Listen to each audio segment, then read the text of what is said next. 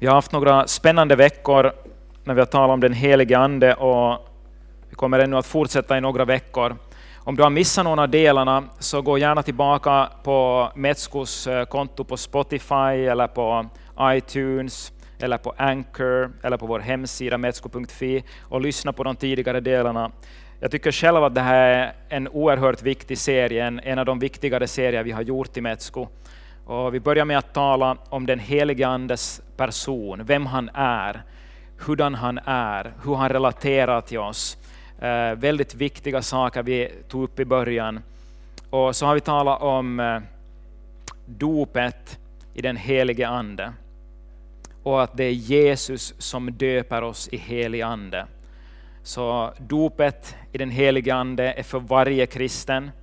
Eh, det är inte pingstvännerna som har liksom monopol på dopet i den helige Ande, utan Jesus längtar efter att döpa varenda en troende i helig Ande.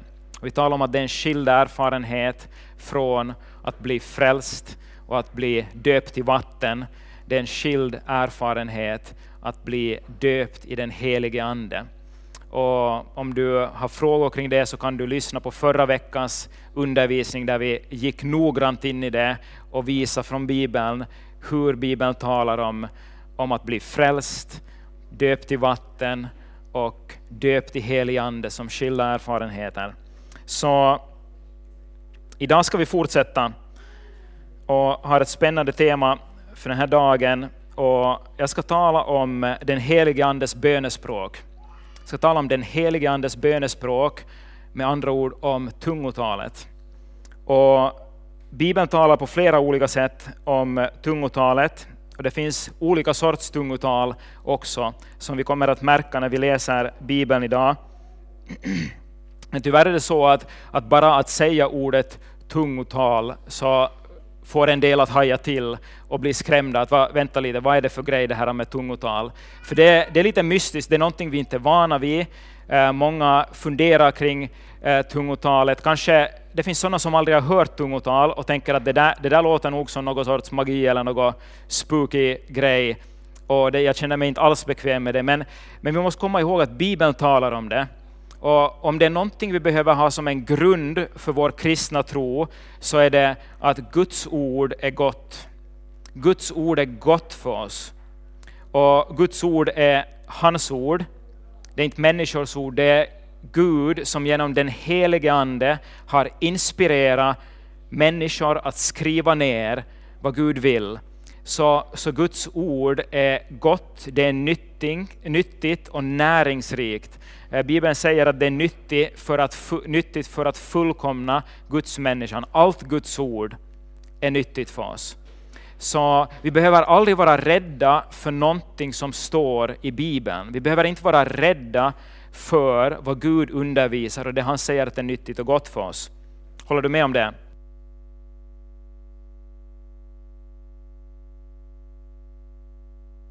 Vi ska se vad Bibeln säger om tungotal. Och det finns olika sorts tungotal. Till exempel på pingstdagen när anden föll, så börjar alla lärjungarna, alla de 120 som är samlade i övre, övre salen, de börjar tala i tungor. Och då samlas Israels folk, eller där samlas folket i Jerusalem. De samlas och de hör alla evangelium förkunnas, Guds underbara gärningar förkunnas på sitt eget språk. Det var högtid i Jerusalem, de kom från hela den dåtida kända världen runt Medelhavet, var det folk i Jerusalem, och de hör alla Guds underbara gärningar förkunnas på sitt eget språk. Och de förundras över det. Och de räknar upp där, jag vet inte hur många, är det 10 eller 15 till och med olika språk. Så det är ett sätt som tungotalet fungerar. Det är att eh, Gud genom sin ande inger ett språk som talas någon annanstans i världen. Och det har hänt många gånger. Eh, det här, det här händer både i Finland, att det kommer någon utlänning hit och predikar, och de kan i den, inspirerade av den helige Ande plötsligt tala finska eller svenska så att vi förstår det, även om de aldrig har lärt sig det språket. Och det har hänt för missionärer utomlands. De har varit i en knepig situation. Till exempel hörde jag om en man som blev eh, fängslad, eh, så han var missionär i, i Kina, i den underjordiska kyrkan. Han blev fängslad och hamnade inför rätta eh, där i Kina. Och när de ställde honom till rätta så kom den helige Ande över honom och, och han kände sig inspirerad att tala i tungor och han började bara tala ut det den helige Ande gav och han talade kinesiska och han försvarar sig själv och talar också ut en dom över dem som kommer att stå emot Guds ord på kinesiska utan att han kunde språket. Så det är olika sätt som eh, man kan få ett tungotal som är ett språk som vi kan förstå, ett mänskligt språk. Sen kan också tungotalet vara ett himmelspråk. Det kan vara ett himmelspråk som inte talas på jorden, men som talas i himlen. Och då kan det uttydas, Gud kan ha ett budskap att, att ge till sin församling genom tungotalet. Så då, då talar någon i tungor och någon annan behöver uttyda vad det betyder för att det ska bli till uppbyggelse. Där ska vi just läsa om också. Men sen finns det, och det kan man säga det, det är gåvan att tala i tungor. Nådegåvan. Vi har inte gått igenom alla nådegåvorna ännu, det kommer om två veckor så ska vi gå igenom alla nådegåvorna. Men, men det är gåvan att tala i tungor. Det är alltså ett himmelspråk som ska uttydas, översättas så att det blir till uppbyggelse. Men sen skulle jag säga att det finns också ett bönespråk. Så det finns gåvan att tala i tungor, men det finns också ett bönespråk att be i tungor. Att be och tala i tungor i ditt eget böneliv. Man kan säga att det är en nåd. Det är en nåd som Gud vill ge åt alla troende. Och vi ska se vad Bibeln säger om det idag, så att vi inte bara eh, talar utifrån vad vi vet eller inte vet, har erfarenhet eller inte har erfarenhet av, utan vi talar utifrån det som Bibeln säger, det som Paulus skriver, att är Guds vilja. Så i första Korinthierbrevet undervisar Paulus om de här sakerna, och han talar och han berättar åt korintierna i den församlingen hur de ska förhålla sig till tungotalet, till profetia och till uttydning i församlingen. Så han talar om de här tre sakerna, om profetia, tungotal och uttydning, och han berättar hur de kan användas. Och när vi läser det så lär vi oss också om det här bönespråket, för han talar om det. I första Korinthierbrevet 14, vi läser de fem första verserna till att börja med. Och lyssna noggrant till vad Paulus skriver försök att eh, stänga av alla förutfattade meningar om vad tungotal är eller inte och bara lyssna till vad Guds ord säger. Då står det så här från vers 1. Sträva ivrigt efter kärleken, men sök också vinna de andliga gåvorna. Paulus säger sträva efter de andliga gåvorna. Sök dem, det är en del av ditt lärjungaskap. Sök att vinna de andliga gåvorna. Framförallt profetians gåva. Lyssna nu, den som talar tungomål talar inte till människor utan till Gud. Ingen förstår honom när han i sin ande talar hemligheter. Så här talar han inte nu om gåvan utan om ett bönespråk. Han, säger att, han säger att den som talar tungomål talar inte till människor utan till Gud. Ingen förstår honom när han i sin ande talar hemligheter. Men den som profeterar talar till människor och ger dem uppbyggelse, uppmuntran och tröst. Den som talar tungomål uppbygger sig själv. Men den som profeterar uppbygger församlingen. Och lyssna här. Jag önskar att ni alla skall tala i tungomål, men hellre att ni ska profetera. Den som profeterar är för mer än den som talar tungomål, om inte den eh, uttyder sitt tal så att församlingen blir uppbyggd. Så här står ju flera saker, men det vi lägger märke till är att här talar han inte om ett tungomål som ett budskap till människor som ska uttydas, utan han talar om tungomålstalet som någonting som människan talar, talar till Gud. Människan ber i anden och talar till Gud. Här är det inte Gud som talar till människan, utan människan talar i ett bönespråk till Gud. Och han säger i sin ande. Märkte du det? När han i sin ande talar hemligheter. Ingen förstår honom när han i sin ande talar hemligheter. Det här är viktigt, kom ihåg det här, i sin ande. Så Paulus kopplar ihop att den som talar i tungomål talar till Gud och han gör det i sin ande. Han gör det i anden. Det här sker i anden. Om vi hoppar vidare till vers 14, första Korinthierbrevet 14 och 14, står det så här, ty om jag talar tungomål när jag ber, så ber min ande, men mitt förstånd bär ingen frukt. Så han säger att när jag talar tungo, om jag talar tungomål när jag ber, han säger att det här är någonting jag gör när jag ber. Om jag talar tungomål när jag ber, så ber jag i min ande. Jag gör det här i min ande. Men mitt förstånd bär ingen frukt. Lyssna här, det är Paulus, den största av apostlarna, än en gång, han har skrivit en tredjedel av Nya Testamentet, mer än någon annan författare i Nya Testamentet. Han vet sin teologi, han kan det här och han vet vad han talar om med stor erfarenhet. Han talar om bön och så säger han, om jag talar tungomål när jag ber, så ber min ande. Han säger att han engagerar sin ande. Det är inte att bara be med förståndet, med sina tankar och hitta på vad jag ska be, utan han säger, jag ber i min ande. Jag ber med anden. Så i föregående vers som vi läste så stod det tala tungomål i sin ande och nu ber han i sin ande. Och det här som han säger att mitt förstånd bär ingen frukt. 21 av 24 gånger i Nya Testamentet så översätts det här grekiska ordet för förstånd så översätts med sinne. Han säger att mitt sinne, mitt tänkande, bär ingen frukt just då. Så när jag ber i min ande så engagerar jag en annan del av min varelse.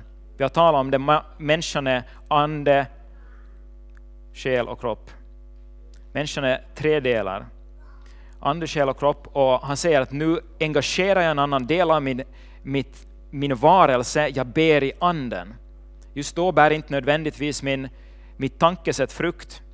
Sen kan det vara att Gud, när jag ber i anden, när jag ber i tungor, också ger mig uttydningen för min egen uppbyggelse eller för att kunna be ännu tydligare för någon annan. Så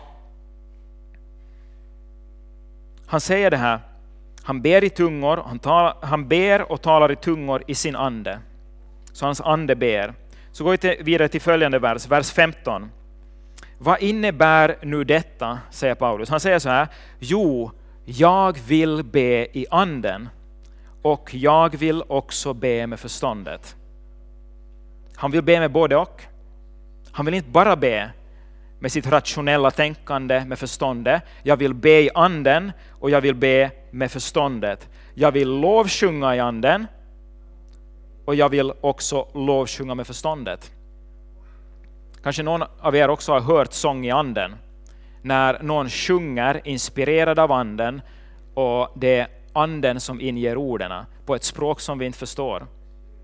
Jag kommer ihåg när jag hörde det första gången. Jag var på missionsresa tillsammans med min bror och ett helt gäng från Team Action och vi var mitt inne i Ryssland i Petrosavodsk och, och vi var på hotellet och bad på kvällen och då blev en kvinna inspirerad och hon sjöng i anden Eh, medan vi bad egentligen. Vi bad för en ledare där och medan vi bad så blev hon inspirerad och hon sjöng i anden. Och det, var det, det är den vackraste sången fortfarande jag någonsin har hört i mitt liv. Det lät som att man för en stund hörde sång från himlen. Och efter det så uttydde hon också vad hon hade sjungit över honom. Så hon uttydde det och berätta vad det var som Fadern ville förmedla genom den där sången. Och det var oerhört vackert och berörande. Vi var många där som var i tårar över det som Gud gjorde genom det. Så det finns sång i anden också. Och Det viktiga här är att se, att se att Paulus kallar att be i tungor, så kallar han att be i anden. Paulus använder det fullständigt synonymt, att be i tungor och att be i anden. Han säger att han vill. Har du tänkt på det? Han säger, jo, jag vill be i anden. Han kan göra det valet och han säger, jo, det här är någonting jag vill. Jag vill be i anden. Vad vill en så här stor och erfaren apostel göra som Paulus? Vad längtar han efter att göra? Han längtar förstås efter att göra det som är nyttigt, uppbyggligt och gott för honom. Han längtar efter att göra sådana saker som bygger upp som leder honom vidare och djupare i hans lärjungaskap, som gör honom bättre på att betjäna andra människor. Som säger, jo, jag vill be med anden och jag vill också be med förståndet. Han vill göra både och. Han säger också att han vill sjunga i anden. Det är utmanande till och med för mig. Han säger jag vill sjunga i anden och jag vill också lovsjunga med förståndet. Han vill engagera hela sin varelse. Så han vill både sjunga i tungor, men han vill också sjunga med ett språk han förstår. Det är viktigt att se sammanhanget här. Gå vidare till nästa vers, vers 16. Men om du tackar Gud i anden, kommer en till parallell. Om du tackar Gud i anden. Jag har redan tittat i anden, när han gör det i anden, han talar i tungor i anden. Om du tackar Gud i anden, hur ska då den som inget förstår kunna säga sitt amen till din tacksägelse? Han förstår ju inte vad du säger. Så tacksägelse kan vara en del av bönespråket. I tungor, tacka Gud, tacka Gud för olika saker i bönespråket. Han säger att han tackar Gud i tungor. Och tacksägelse vet vi att det är en form av bön. Så säger han vidare, vers 17, du gör rätt i att tacka Gud. Han säger att när du gör det här, okej, okay, om jag tackar Gud i anden, du gör rätt i att tacka Gud. Du gör rätt i att tacka Gud på det här sättet, men den andra blir inte uppbyggd. Det som han talar om är ordningen i gudstjänsten, han talar om vad ska vi göra när vi är för oss själva och vad ska vi göra när vi är tillsammans i församlingen. Han säger du gör rätt i att tacka Gud, men den andra blir inte uppbyggd. Så det här är rätt och bra. Men om du talar i tungor så kommer inte andra människor att förstå dig. Om inte blir utbytt, som vi läste i början. Så om vi talar i tungor, då kanske inte andra förstår. Så säger han så här då i vers 18. Jag tackar min Gud, jag talar tungomål mer än ni alla. Det finns de som säger att ja, jag tror inte att det där var någonting jätteviktigt för dem, eller, eller det, där, det där var nog ingen stor grej det där med tungomål. Nu säger Paulus, den stora aposteln, säger så här, jag tackar Gud. Han säger inte bara att jag, jag talar i tungor ibland. Han säger, jag tackar min Gud, jag talar i tungomål mer än ni alla. Jag talar i tungomål mer än ni alla i församlingen i Korint. Och jag tackar Gud för att jag gör det. Så om han till och med tackar Gud för det, så betyder det att det här var väldigt, väldigt viktigt för Paulus. Det var en enorm välsignelse för honom att ha det här bönespråket att kommunicera med Gud genom. Han eh, måste ha upplevt att det här hjälper mig, det här förvandlar mig, det här styrker mig. Så jag tackar Gud för att jag får be så mycket i tungor, för att jag får använda det här bönespråket och kommunicera med Gud. Jag ska just visa dig varför han gör det. Och sen vers 19 så säger han, men i församlingen vill jag hellre tala fem ord med mitt förstånd för att undervisa andra än tiotusen i tungomål. Så medan Paulus hela tiden talar om tungomålstalet som viktigt, det är någonting som bygger upp, det är någonting han använder själv, han talar i tungor mera än alla i Korint, så talar han samtidigt om att det har sin plats. Han säger att i församlingen så talar han hellre med sitt förstånd, vad var det, fem ord, fem ord med sitt förstånd än tiotusen ord i tungor, för att där vill han uppbygga församlingen. Där vill han att församlingen blir uppbyggd. Om inte han uttyder sitt tungotal. Så här talar Paulus om skillnaden mellan var vi gör vad. Han talar om vad som ska ske i gudstjänsten och vad som ska ske i vårt privatliv. Vad som är uppbyggligt för oss själva. Så när jag är bland människor, då talar jag ett språk som människor förstår, om inte jag kan uttyda mitt tungotal. Men när jag är för mig själv, då kan jag be i anden, be i tungor, använda bönespråket och gå djupare i Gud. Då talar jag hemligheter till honom som vi läste i första verserna. Och Det står så här i vers 39 och 40 mot slutet, när han har förklarat mycket om ordningen i gudstjänsten som vi snart kommer till, så säger han så här, därför mina bröder, var ivriga att profetera, var ivriga att profetera och hindra inte tungomålstalandet, men låt allt ske på ett värdigt sätt och med ordning. Det finns församlingar som har sagt att nej, här, här får man inte tala i tungor. Nej, det är, det är ingenting vi gör i vår kyrka. Här står det uttryckligen i Bibeln, hindra inte tungomålstalet. Hindra inte tungomålstalandet. Men låt allt ske värdigt och med ordning. Allt har sin plats. Vi kommer till det mera, men i församlingen, om vi talar i tungor, då ska det uttydas. Men när vi är i vårt eget privatliv, då talar vi till Gud. I anden ber vi till Gud och det bygger upp. Här stod det också att vara ivriga att profetera. Det är en iver vi får söka efter i Guds församling ibland, men det står var ivriga, var ivriga att profetera. Och hindra inte tungomålstalet. Det här är någonting som Gud vill. Så varför är det här viktigt? Varför talar jag om det här och betonar det? För Bibeln säger att det är viktigt. Den första, första punkten som jag hade, jag glömde att nämna min första punkt, men det har vi talat om de senaste tio minuterna. Eh, första punkten var att det är bibliskt. Vi ser att tungomålstalet är bibliskt. Den andra punkten är det här, det är till nytta. Det är nyttigt. Vi läste det eh, redan, men vers 4 sa som här. Den som talar tungomål uppbygger sig själv men den som profeterar uppbygger församlingen. Den som talar tungomål uppbygger sig själv och den som profeterar uppbygger församlingen. Och båda behövs. En del säger så här att det är bättre att profetera, för det uppbygger församlingen. Men det säger inte Paulus här egentligen. Han gör en skillnad mellan dem. Han säger att den som talar tungor som ett bönespråk uppbygger sig själv.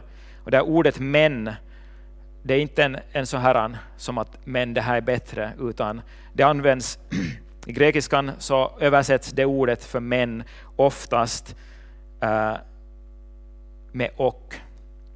Så det skulle också kunna stå här, den som talar tungomål uppbygger sig själv och den som profeterar uppbygger församlingen. Eller å andra sidan, den som talar tungomål uppbygger sig själv och å andra sidan, den som profeterar uppbygger församlingen. Så han talar om två olika saker. Men han säger att det här är uppbyggligt. När vi ber i tungor, när du använder ditt bönespråk, så ber din ande och det uppbygger dig själv. Och det, det kommer från Gud. Det kommer från den helige Ande och det är ett sätt att bygga upp din tro, att bli stark i anden, att bli stark i din inre människa. Paulus säger det här uppbygger dig. Får jag bara fråga så här, är det bra att bli uppbyggd? Är det bra att bli uppbyggd i sin ande och i sin tro? Jo, det är jättebra. Paulus rekommenderar det. Bibeln rekommenderar det. Man kan också jämföra det med att säga att att läsa Bibeln bygger upp. Att be bygger upp. Att eh, vittna om sin tro till andra, det bygger upp din tro. Det gör dig starkare. Att vara generös bygger upp. Att ge tionde bygger upp. Att ge gåvor till de fattiga bygger upp. Det är många saker som bygger upp din tro. Och det har vi inget problem med. Men sen när vi talar om tungotalet så blir människor, vänta lite, tungotalet? Nej men tungotalet bygger upp. Den här formen av bönespråk är för din egen eh, nytta, till din egen nytta. Den helige Ande vill bygga upp dig. Jämförelse. Om man säger så här, den som läser Bibeln i sitt privatliv bygger upp sig själv. Den som läser Bibeln i församlingen eller offentligt bygger upp församlingen, eller hur? Du läser Bibeln för dig själv i ditt privatliv, då bygger du upp dig själv. Men läser du Bibeln offentligt i församlingen, då bygger du upp också andra. Så det finns saker, han gör en skillnad, det finns saker som bygger upp offentligt, det finns saker som bygger upp dig själv i ditt privatliv. Och tungotalet är en av dem. Största problemet är att folk blandar ihop vad som hör hemma var. När vi talar bönespråket till Gud, det hör hemma i vårt privatliv. Det hör hemma i vår egen andaktsstund. När vi ber för oss själva, när vi söker Gud för oss själva. Då kan vi be på vårt bönespråk och be i tungor. Om vi ber för bönämnen här i kyrkan, jag har aldrig bett i tungor för bönämnen här i kyrkan. Varför gör inte jag det? För att här talar jag offentligt. Här ber jag så att alla ska förstå och alla kan säga sitt ja och sitt amen till min bön. Det är därför vi inte talar högt i tungor här i församlingen. Jag skulle inte ha något problem med det om någon får ett tungotal och upplever att jag får ett tungotal från Gud, då skulle jag tillåta det. Den människan får tala ut det, men då behöver jag också vänta och be att någon uttyder tungotalet. Då kan det ske här i församlingen, mitt i vår gudstjänst. Om någon får ett tungotal, kom och säg åt mig. Så ber vi och talar vi ut tungotalet och så ser vi vem är det som får uttydningen. För jag är säker på att det finns flera här som har tungotal, äh, gåvan att uttyda tungotal. Kanske till och med utan att du vet om det. Så måste den börja övas. Öva att använda den gåvan, att uttyda tungotal. Jag var livrädd första gången jag gjorde det, men jag upplevde det. Vi hade en bönegrupp eh, på midvinterveckan och det var väldigt många i den här eh, böneworkshopen på eftermiddagen. Jag tror att det var typ 40 där. Eh, den blev populär. Den brukar växa längs med lägret och i slutet var den där kring 40-50 personer som hade droppat då andra workshoppar för att vara i böneworkshopen. Och då, då var det någon som fick ett tungotal. Och, och det var så att eh, vi bad för en tjej där och det var någon som fick ett tungotal åt den här tjejen och så frågade böneledaren, Olle Rosenqvist, han frågade är det någon nu som får uttydningen till det här?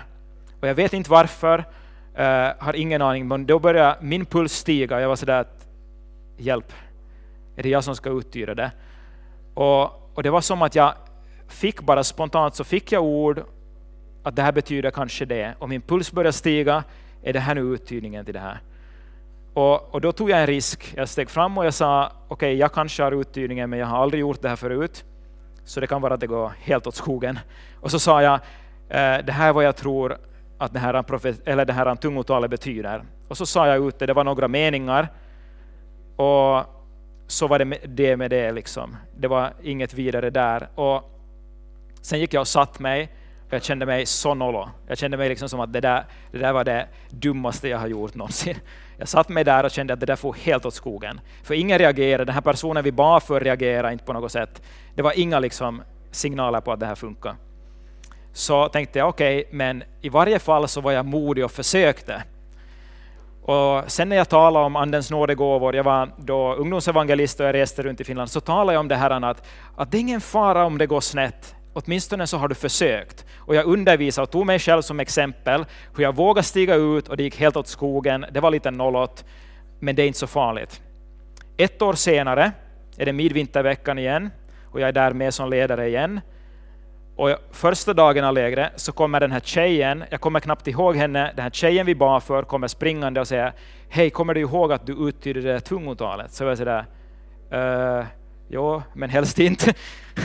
Och så, så sa hon så här, vet du vad, att allt det där som du talade ut har hänt under det här gångna året. Och jag visste inte, det kändes inte något speciellt. Jag, hade, jag hamnade inte i någon extas och visste att den helige Ande var där. Utan jag bara tog ett steg, det, det bara kom ord till mig och jag berättade dem. Det var ingen speciell känsla, jag trodde att jag hade gjort bort mig. Men då kom Gud och han verkade i ett väldigt litet och svagt kärl och han uttydde det. Och på det sättet så kan tungotal användas i församlingen. Då är det på rätt ställe. Då blir det till uppbyggelse när man använder det. Men det är en skild grej att sen tala i sitt bönespråk och tala till Gud i sin ande. Och, och Det här uppmuntrar Paulus oss att göra. Ibland kan man få uttydningen, ibland blir det så att jag ber för någonting i tungor hemma. Jag ber för det, ber på mitt bönespråk och och så kommer den tanke till mig, nu ber jag för den Herren. Och mitt i allt så berättar Gud vad jag ska be. Genom det att jag ber i anden, ber i bönespråket, så kommer någon tanke till mig och jag kan be i en viss riktning. Och så visade det sig senare att det var exakt rätt. Det var just det som jag skulle be då.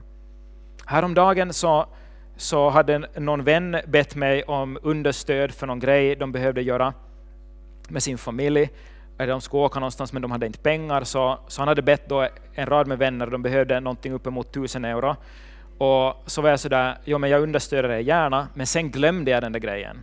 Så jag glömde att betala någonting till honom fast jag sa att jag understöder dig gärna. Så kom jag på det flera dagar senare, har väldigt bråttom och jag undrar att ja, nu kanske det redan har farit den där möjligheten och, och de kanske behövde pengarna i förrgår. Liksom. Så jag har inte tid liksom att, att eh, tänka jättemycket så jag bara bad i tungor, bad en stund och så upplevde jag att ah, ge den här summan. Och så tänkte jag okej, okay, det får vara bra, nog med det. Liksom, så här upplevde jag så skickade jag iväg den där summan och så skickade jag ett sms åt honom att eh, sorry, jag blev lite sen, jag glömde det för en stund, men nu har jag betalat si och så mycket åt dig. Det kommer säkert inom några dagar. Och så svarar han mig, det är helt otroligt, det var exakt det som saknades. Så av flera tiotals människor som han kontaktade och kring tusen euro de behövde, jag hade glömt det och det var det sista, och när jag bad i tungor så kom det bara en summa till mig och jag betalade. Det var exakt det som var kvar. Så fick de de pengarna de behövde. Och jag tar ingen ära åt mig. Det är bara ett exempel hur den helige Ande kan verka och han kan hjälpa när vi ber i tungor. Det är så det kan fungera. Det, det, ibland behöver inte, det behöver inte uttydas. Du behöver inte veta vad du ber. Och det är till uppbyggelse för dig själv. Så här står det i första Korinthierbrevet 14 och verserna 26 till 28 om församlingen. Hur ska det då vara bröder? Jo, när ni samlas har var och en något att ge. En psalm, ett ord till undervisning, en uppenbarelse, ett tungotal och en uttydning. Låt allt bli till uppbyggelse. Om någon talar tungomål får högst om någon talar tungomål får två eller högst tre tala, och då är ni sänder, och någon ska uttyda det. Men finns det ingen som uttyder ska den som talar tungomål tiga i församlingen och, obs, det är inte den han ska göra, och tala för sig själv och till Gud. Om det inte är någon som uttyder, då ska jag tiga, då ska jag inte tala ute i församlingen, men då kan jag tala för mig själv och till Gud. Då kan jag tala för mig själv och till Gud. Då kan jag fortsättningsvis använda det och det till uppbyggelse. Men Observera, det är helt bibliskt och det är till nytta. Varför ska man fortsätta att tala för sig själv och till Gud om ingen kan uttyda det i församlingen? Därför för att det bygger upp. Det bygger upp dig, det gör dig starkare i anden. Jag ska visa några till bibelställen på det. Uh, Efesierbrevet 6 så talar om vapenrustningen. Hur många har någon hört om vapenrustningen i Efesierbrevet 6? som Paulus skriver om. Där räknar han upp hela vapenrustningen. Han säger att eh, ta på er hela Guds vapenrustning så att ni kan stå emot på den onda dagen. Så att ni kan stå emot på den onda dagen. Så det här är någonting viktigt, någonting som rustar dig för strid, för att försvara dig mot den ondes attacker. Om vi läser igenom det snabbt, så observera hur det slutar. Stå alltså fasta, spänn på er sanningen som bälte, det är från vers 14. Sanningen som bälte kring era höfter och klä er i rättfärdighetens pansar och sätt som skor på era fötter den beredskap som fridens evangelium ger. Ta dessutom trons sköld, med den kan ni släcka den ondes alla brinnande pilar. Ta emot frälsningens hjälm och andens svärd som är Guds ord. Och lyssna nu, gör detta under ständig åkallan och bön och be alltid i anden. Om vi sätter ihop det med vad Paulus säger i första Korinthierbrevet 14 så säger han att, att bön i anden är bön på bönespråket, bön i tungor. Det är bön i anden. Och han säger när ni gör det här, gör detta under ständig åkallan och bön, bön och be alltid i anden. Vaka därför och håll ut i bön för alla de heliga. Det handlar om att be på ditt bönespråk. Judas, ett litet brev som många kanske bläddrar förbi snabbt. Judas brev vers 20, det finns bara ett kapitel. Han är finurlig på det sättet. Så det finns inga kapitel, utan det finns bara verser. Vers 20. Men ni, mina älskade, ska bygga upp er själva på er allra heligaste tro och be i den helige Ande. Igen, samma sak. Han säger uppbygg er själva. Hur bygger man upp sig själv? Be i anden, be på ditt bönespråk. Om någon frågar mig varför borde jag göra det här? Varför ska jag be i tungor? Varför ska jag be i anden? Så säger jag bara att det bygger upp. Det bygger upp dig. Det bygger upp din tro. Men uh, jag förstår inte vad jag säger. Det bygger ändå upp. Din ande ber. Du engagerar en annan del av din varelse. Det är en kommunikation mellan dig, din ande och Guds ande. Och din ande mår bra av det. Du mår bra av det, ditt andliga liv mår bra av det. Guds ande kommer dig till hjälp när du gör det. Okej, okay, punkt tre, innan vi slutar. Punkt tre är, du kan välja att göra det i tro. Du kan välja att gå in i det och börja det. För jag tror det här är en nåd som är till för alla kristna. Bibeln talar om det på det sättet.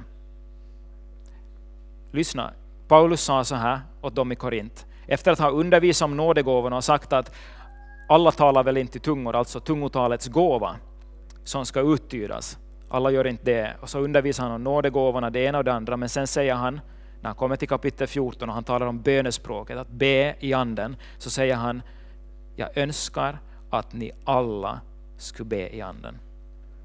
Läste du det? Det var i, ska vi se här i vers, vers 5. Jag önskar att ni alla ska tala tungomål. Men du kan också välja att profetera, men hellre att ni profeterar. Men han säger, jag önskar det här. Jag önskar att ni alla skulle tala i tungor. Och Det är så, man kan välja att gå in i det. Du kan, du kan välja det, för Paulus skriver så här, vi läste det redan i vers 14, ty om jag talar tungomål när jag ber. Han säger inte när det kommer över mig, när den helige Andes extas kommer över mig, när det plötsligt manifesterar sig. Han säger nej, om jag talar tungor när jag ber. Han säger att han har ett val. Han kan välja att göra det eller att inte göra det. Och följande vers efter det, vad leder det honom till? Så säger han i vers 15, jo, jag vill be i anden. Han säger jag vill. Jo, jag vill be i anden. Han har alltså en vilja och vi har en vilja. Guds vilja. Det är Guds vilja. Du har en vilja, du kan välja ja eller nej. Det är som om eh, jag frågar någon av er att vill du komma med på bio? Kan du svara jo, jag vill. Eller nej, jag vill inte. Du har en vilja och på samma sätt, Paulus säger det, om jag ber i anden och jo, jag vill. Jag vill be i anden. Vi har ett val och vi kan välja det. Många tror att man endast kan tala i tungor om den helige Ande på ett speciellt sätt kommer över en. Men eh, det är faktiskt ganska sällan, jo det är lite makabert när de blir eh, döpta i helig ande på pingstdagen, då, då hörs ett dån som av en stormvind. Det står inte att det kommer en stormvind genom rummet, men det hörs ett dån som av en stormvind. Och tungor av eld fördelas över dem och de börjar alla tala i tungor. Men det står inte att de hamnar i extas, det står inte att de blir liksom gripna av någon sån här liksom, någon manifestation av något slag. Många gånger när vi tror att det är väldigt känslomässigt starkt, så kanske det inte är det, utan vi läser in det, kanske på grund av saker vi har hört eller sett i olika sammanhang. Att det ska se ut på ett väldigt makabert, konstigt sätt. Men det läser vi ganska sällan om i Bibeln. Eh, den helige Ande kan aldrig köra över dig. Den helige Ande kan aldrig med våld ta makt över dig och få dig att göra någonting du inte själv vill. Utan det är så, den helige Ande får frihet att göra det vi tillåter honom. Så i den, i den grad som jag liksom hänger mig åt Anden, jag gillar det här uttrycket på engelska, to yield, alltså att jag låter mig dras närmare. I, I yield to the spirit. Jag överlåter mig, jag hänger mig, jag låter mig komma närmare anden. I samma grad så kan den helige ande verka i dig och det kan ta olika uttryck. Men han kommer aldrig med våld. Som jag har sagt tidigare, han är en person och han är finkänslig. Han är den finkänsligaste av personerna i treenigheten.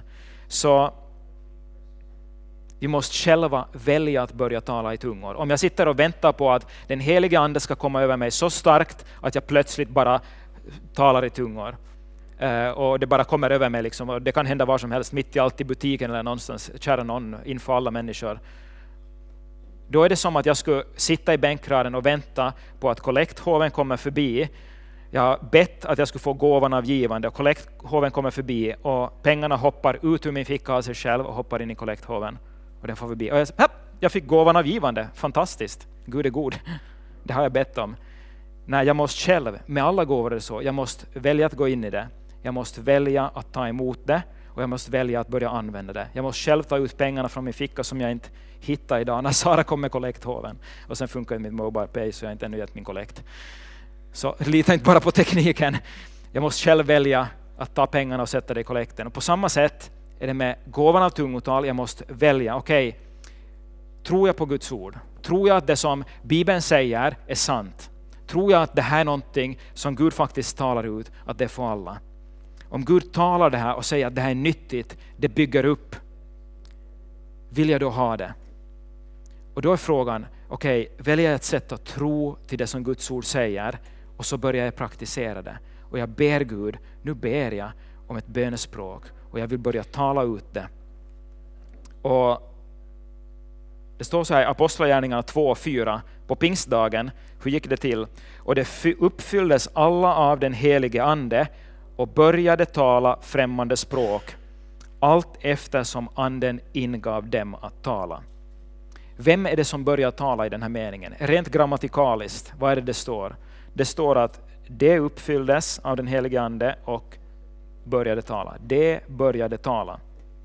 Det är inte den helige Ande som börjar tala i dig, det är du som börjar tala.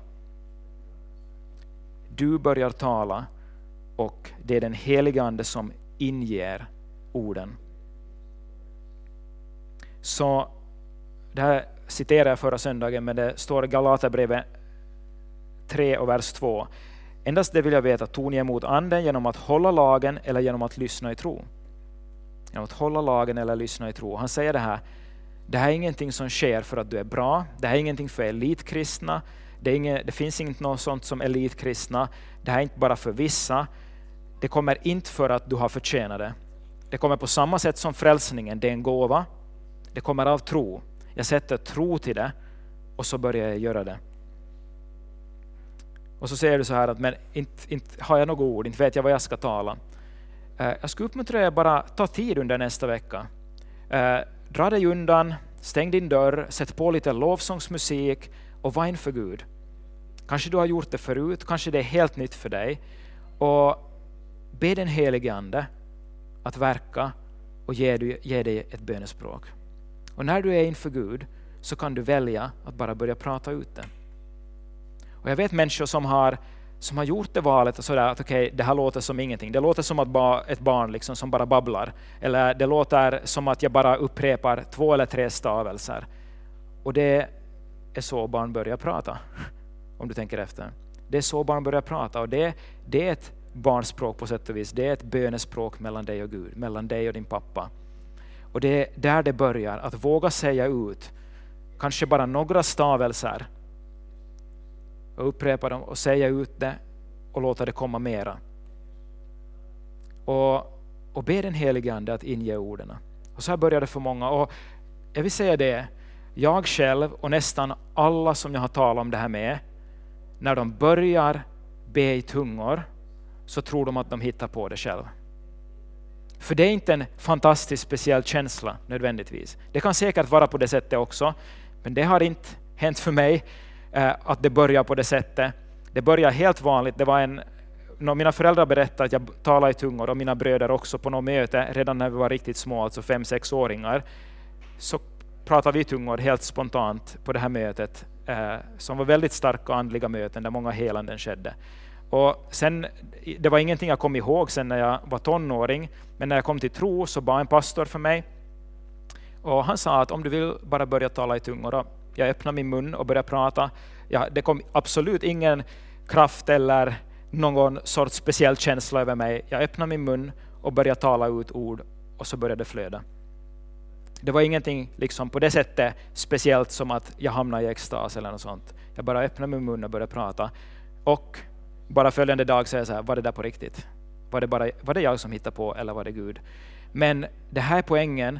Alla jag har pratat med så har tänkt så här, det här var bara jag. Det, det här hittar jag nog bara på. Men om du bara fortsätter att göra det så märker du att det är inte du, utan det är anden som inger och det flödar ur ditt inre. Så som eh, Jesus säger, Jesus säger ju att, att om någon törstar, om någon längtar, så kom till mig och drick. Och det ska bli som en källa inom honom, som bubblar fram och kommer med liv. Så det är bara att börja tala det.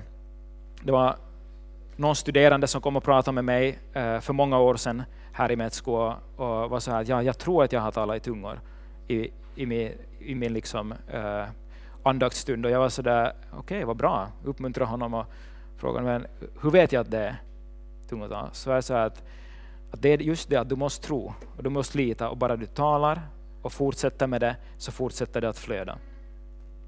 Sen blir det en vana, du kan göra det var som helst. Du kan göra det tyst i ditt huvud, så som Paulus säger. Du kan göra det, tala tyst för sig själv och till Gud. Eller du kan göra det hemma, högt, i din bönestund och det bygger upp, det till nytta. Vi behöver inte vara rädda för svärmeri. Om vi följer Bibelns ord och Bibelns undervisning, precis så som Paulus ger den, så har allt sin ordning och allt har sin plats. Vi kan tala i tungor och uttyra det i församlingen, eller vi kan be i tungor i vårt andaktsliv. Vi kan också profetera här. Han uppmuntrar väldigt mycket till att profetera och det gör vi inte heller ännu för mycket. Men allt har sin plats och det bygger upp församlingen och det bygger upp oss själva. Så jag vill bara uppmuntra dig att ta en stund, om du aldrig har gjort det, lita på att Gud vill ge det. Om du, om du inte ännu har tagit emot dopet i den helige Ande, så är det ett bra steg att ta först.